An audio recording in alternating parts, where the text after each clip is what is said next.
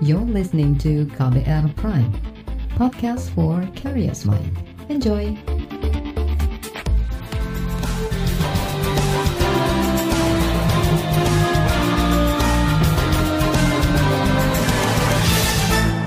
Halo selamat sore saudara, saya Reski Mesanto kembali hadir sore hari ini di KBR Sore edisi Selasa 9 Februari 2021. Sore hari ini seperti biasa, selama 30 menit ke depan saya akan menemani Anda menikmati sore hari Anda dengan pembahasan satu topik. Dan sore ini kami akan membahas tentang kualitas layanan publik yang memburuk selama pandemi COVID-19.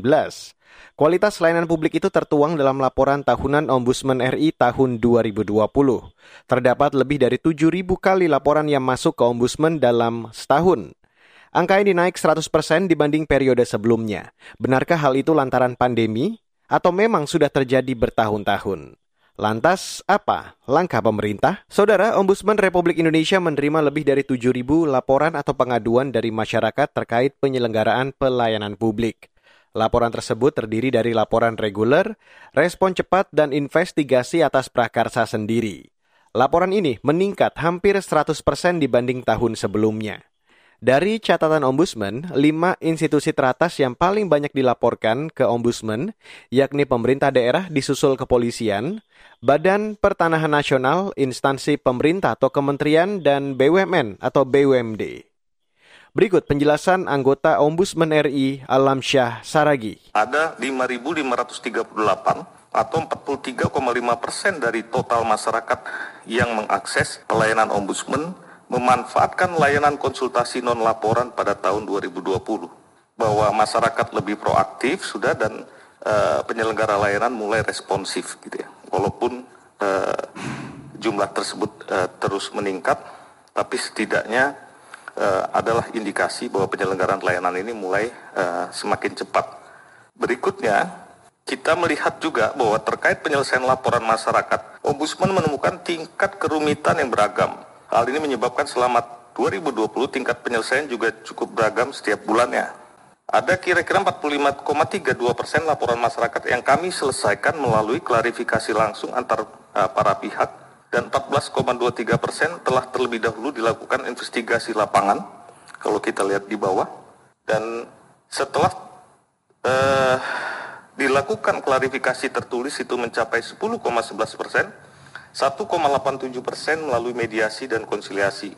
Jadi kalau kita lihat dari data-data yang ada ini bahwa hanya kira-kira 20 1,72 persen laporan itu yang ditutup tidak ditemukan maladministrasi. Namun demikian, meskipun hampir 80 persen ditemukan maladministrasi, karena yang tadi saya sebut itu sifat responsifnya, hampir 45 persen selesai pada saat kita klarifikasi secara langsung. Jadi para penyelenggara, pelapor, itu segera bersepakat menyelesaikannya, kita tetapkan berita acara dan kemudian selesai. Itu tadi anggota Ombudsman RI Alam Syah Saragi. Sementara itu, Saudara Presiden Joko Widodo mengapresiasi laporan catatan tahunan Ombudsman pada 2020. Pemerintah meminta Ombudsman terus bekerja melakukan pengawasan pelayanan publik baik di tingkat lembaga, kementerian, badan usaha milik negara secara terukur. Ini sebuah kerja besar kita bersama, memerlukan partisipasi dari seluruh elemen masyarakat dan juga memerlukan pengawasan dari Ombudsman Republik Indonesia, baik berupa input, baik berupa kritik, dan dukungan, agar layanan publik di negara kita semakin berkualitas. Karena itu dalam kesempatan yang baik ini, saya memberikan apresiasi, saya memberikan penghargaan yang setinggi-tingginya kepada Ombudsman Republik Indonesia yang terus mengawal, melakukan pengawasan terhadap penyelenggaraan pelayanan publik yang diselenggarakan oleh penyelenggara negara dan pemerintah pusat maupun pemerintah daerah, termasuk yang diselenggarakan oleh badan usaha milik negara serta badan swasta dan perseorangan yang diberi tugas menyelenggarakan pelayanan publik tertentu. Saya menyadari banyak hal yang sudah kita capai dan juga banyak hal yang perlu kita perbaiki. Saya yakin Ombudsman Republik Indonesia juga telah menemukan berbagai kekurangan yang perlu kita perbaiki. Catatan ini sangat penting untuk mendorong peningkatan standar kualitas pelayanan publik di masa yang akan datang. Semua pihak harus menjadi bagian dari proses untuk mewujudkan pelayanan publik yang lebih baik. Masyarakat harus lebih aktif menyampaikan kritik masukan ataupun potensi maladministrasi dan para penyelenggara pelayanan publik juga harus terus meningkatkan upaya perbaikan-perbaikan. Itu tadi Presiden Joko Widodo. Saudara, selanjutnya di KBR Sore saya akan ajak Anda untuk mendengarkan laporan khas KBR bertajuk Pelayanan Publik di Mata Masyarakat. Selengkapnya sesaat lagi, tetaplah di KBR Sore. You're listening to KBR Pride, podcast for curious mind. Enjoy!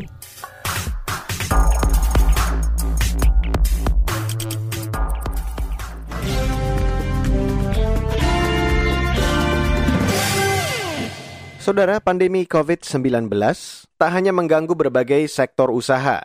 Sektor pelayanan publik memburuk pada tahun lalu, terutama pelayanan publik di daerah.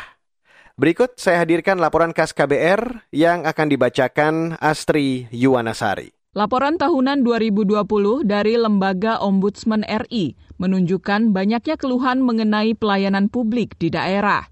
Ini juga diakui Menteri Koordinator Politik, Hukum, dan Keamanan Mahfud MD. Mahfud mengatakan, selama ini banyak keluhan dari masyarakat bahwa pelayanan publik di Indonesia lelet dan koruptif. Koruptifnya pelayanan publik di Indonesia disebabkan karena tumpang tindih peraturan.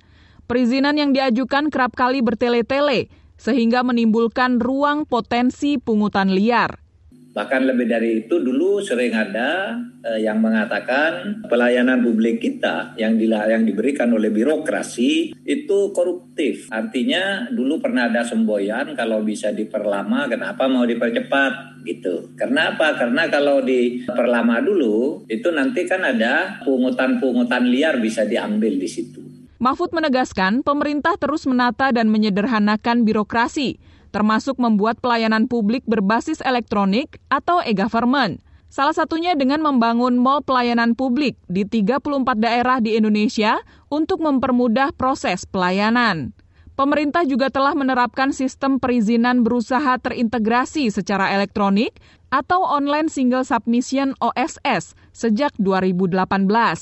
Kemudahan perizinan usaha melalui OSS memang dirasakan oleh Tambatuana, seorang konsultan pajak di Bali.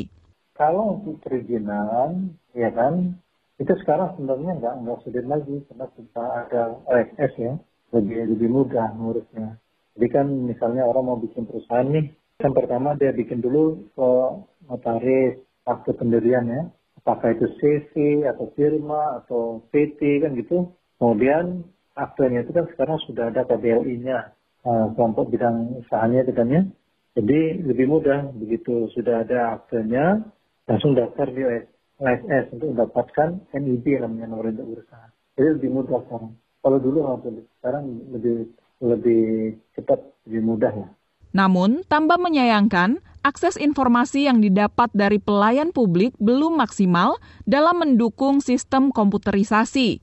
Ya, mungkin disosialisasikan ya, masing-masing orang supaya bisa mendaftar. Tapi kan kebanyakan orang pakai jasa dia, jasa misalnya notaris atau perusahaan-perusahaan yang biro jasa yang menyediakan jasa untuk itu.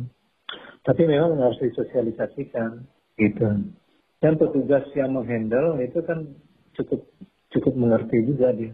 Jadi mungkin ditambahkan tempat bertanyanya uh, apa online service-nya lah uh, sehingga orang setiap perlu apa-apa tuh cepat tinggal telepon kan ya telepon ke mana kan gitu mengenai perizinan ke siapa teleponnya jadi bisa cepat namun pelayanan publik masih banyak yang jauh dari kata memuaskan. Seorang warga Denpasar, Bali, Haryanto Sugianto, masih mengeluhkan sulitnya menghubungi layanan aduan BPJS Kesehatan. Haryanto menyebut pelayanan BPJS secara daring justru membingungkan. Fasilitas pengaduan melalui aplikasi percakapan seperti WhatsApp juga minim respon. Sebenarnya sekarang sudah ada kemajuan karena BPJS diurus secara online. Tapi kadang kendalanya ketika kita sudah coba lewat Pandawa WA, itu responnya kadang-kadang lama. Yang kedua kadang-kadang kita sudah mengisi form tetapi dianggap sudah terlambat, padahal belum.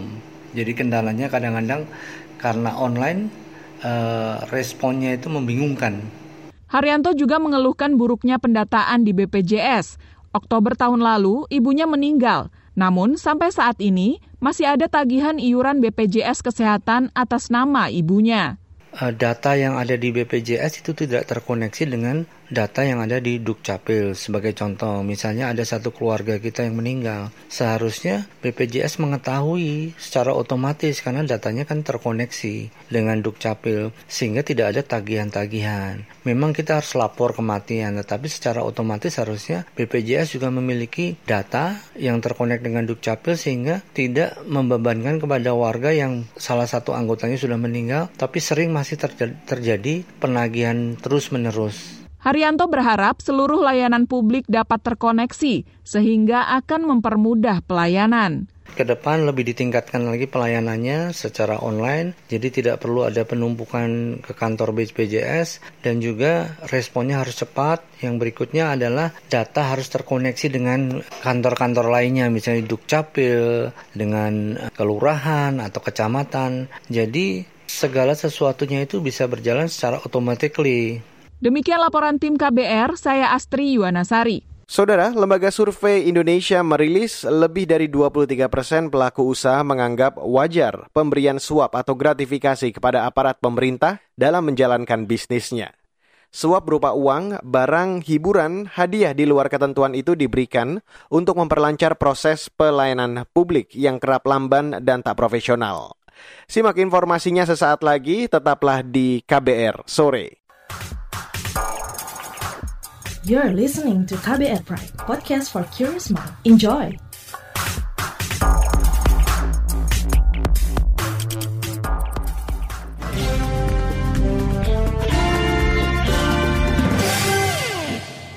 Anda sedang mendengarkan KBR Sore edisi hari ini, 9 Februari 2021.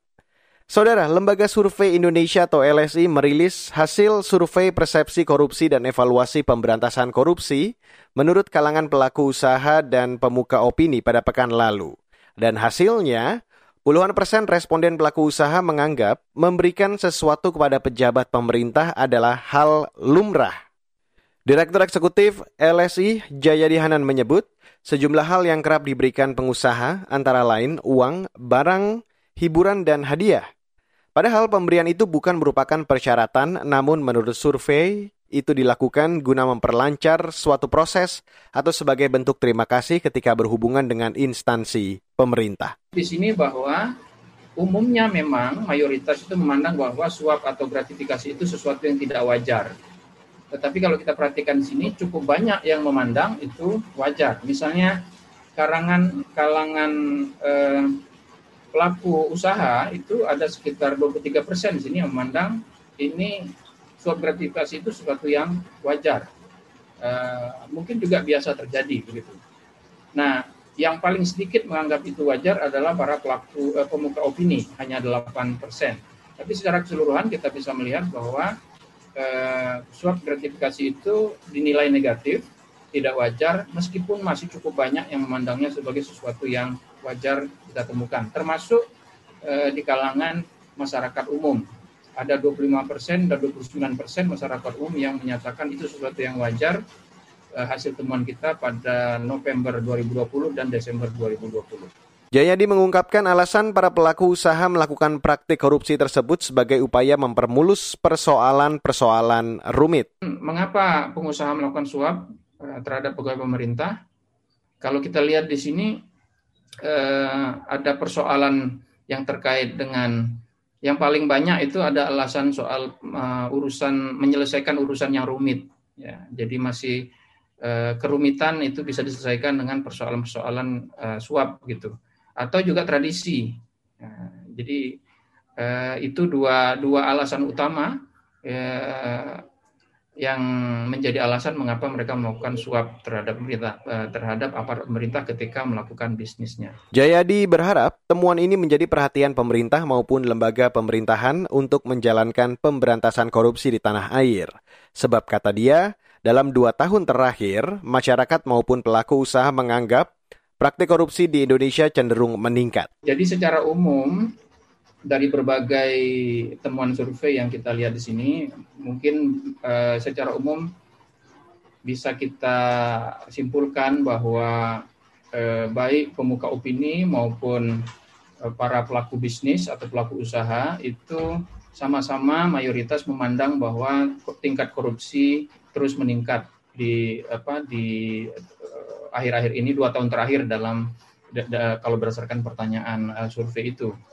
Kemudian jadi ada persepsi yang negatif terhadap uh, apakah terhadap situasi korupsi di Indonesia, persepsi yang cenderung negatif, dan saya kira ini perlu menjadi perhatian karena baik eh, pelaku usaha maupun pemuka opini memiliki informasi yang saya, di, bisa kita duga lebih banyak dibandingkan dengan masyarakat umum, eh, apalagi pelaku usaha kemungkinan besar juga mengalami langsung apa yang uh, disebut dengan fenomena korupsi itu. Survei LSI terkait persepsi korupsi di kalangan pelaku usaha digelar pada Desember 2020 hingga Januari 2021.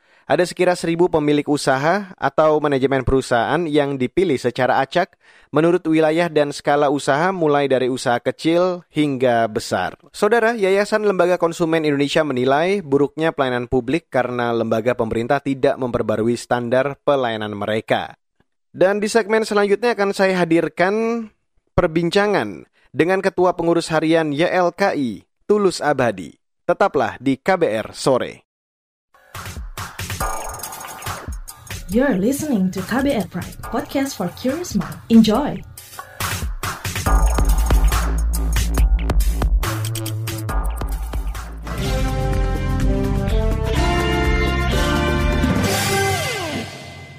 Selamat sore untuk Anda yang baru saja bergabung. Sore hari ini kembali saya Reski Mesanto hadir di KBR Sore, edisi 9 Februari 2021. Saudara Yayasan Lembaga Konsumen Indonesia atau YLKI menyatakan pemerintah tidak berupaya memperbarui standar pelayanannya sehingga banyak masyarakat yang mengeluhkan kualitasnya. Karena itu YLKI tak heran dengan hasil laporan ombudsman belum lama ini. Lantas apa catatan dan masukan YLKI untuk pemerintah? Selengkapnya, saya hadirkan wawancara jurnalis KBR Siti Sadida Hafsyah dengan Ketua Pengurus Harian YLKI, Tulus Abadi. Ombudsman merilis soal pelayanan publik yang buruk belakangan ini. Yang tertinggi kan tadi dari Pemda, diikuti kepolisian, lalu BPN. Bagaimana tanggapan YLKI soal aduan masyarakat ke Ombudsman ini?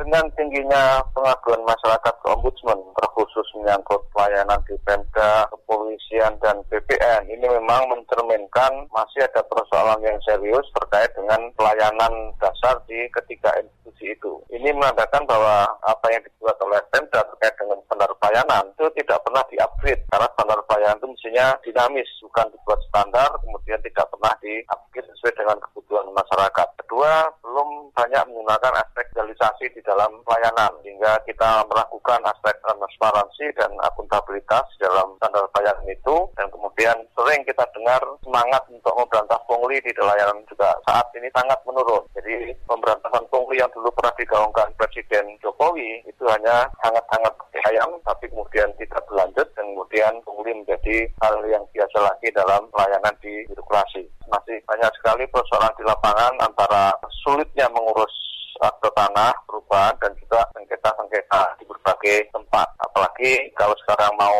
mewacanakan sertifikat elektronik, ya benahi dulu hal-hal yang mendasar di masalah pertanahan. Sedangkan dalam kepolisian, saya kira yang paling sering dikeluhkan adalah dugaan lipat di dalam mengurus SIM, SPNK, dan juga tilang lapangan yang sering menimbulkan fenomena damai antara oknum masyarakat dengan oknum kepolisian.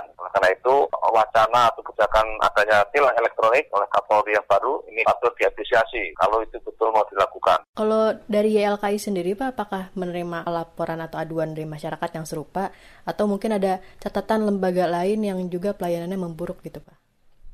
Ya kemarin kalau dari data ombudsman yang beririsan ketat dengan uh, pengaduan di YLKI itu masalah pengaduan perbankan. Di ombudsman kan kemarin itu pengaduan perbankan juga tinggi. Artinya ini lagi-lagi masalah pelayanan publik di mana pengawasan dari otoritas jasa keuangan terhadap sektor finansial khususnya perbankan itu juga masih lemah. Ya karena apa? Karena sudah 8 tahun usia OJK tapi sampai sekarang pengaduan-pengaduan masalah financial services di Indonesia itu masih sangat tinggi. Paling tidak di dalam monitoring pengaduan di YLKI itu masih ranking satu dan juga di Ombudsman itu saya kira masuk lima besar dan juga di Badan Perlindungan Konsumen Nasional. Ini artinya ada upaya uh, yang harus dilakukan untuk mengempower OJK sehingga pengawasannya lebih uh, konkret dirasakan oleh masyarakat. Hmm. Dan kemudian setara, setara dengan pengaduan di Ombudsman juga masalah telekomunikasi. Ya, kemarin Ombudsman juga menyetir adanya tingginya pengaduan telekomunikasi.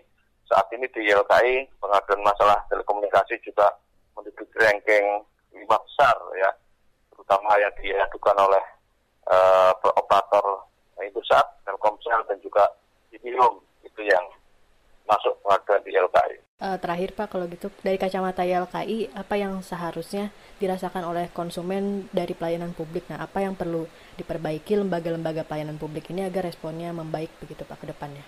Ya, sebenarnya yang urgent dan sekarang sesuai dengan kebutuhan era digitalisasi adalah ya tadi bagaimana mendigitalisasikan standar pelayanan itu atau public services sehingga uh, bisa lebih cepat, efisien, akurat dan meminimalisir pungli. Ya karena sekali lagi keluar masalah pungli di lapangan itu masih marak ya sekalipun dulu kita sempat uh, semangat tapi semangatnya hanya semangat uh, apa tadi yang saya katakan semangat uh, hangat-hangat tai ayam tapi kemudian setelah itu semangatnya hilang kendor dan kemudian praktek pungli di berbagai sektor bermunculan kembali. Saudara, itu tadi wawancara dengan Ketua Pengurus Harian YLKI, Tulus Abadi. Dan saudara, wawancara tadi juga menutup KBR sore untuk hari ini edisi Selasa 9 Februari 2021.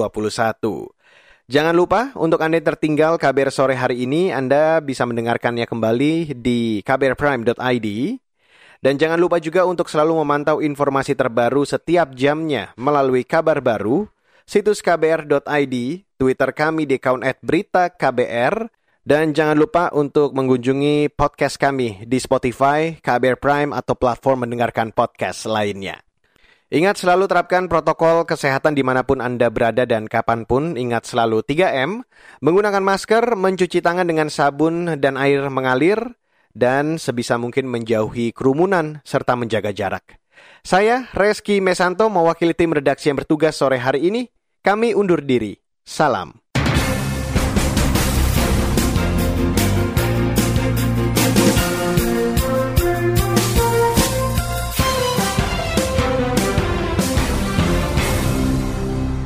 KBR Prime, cara asik mendengar berita.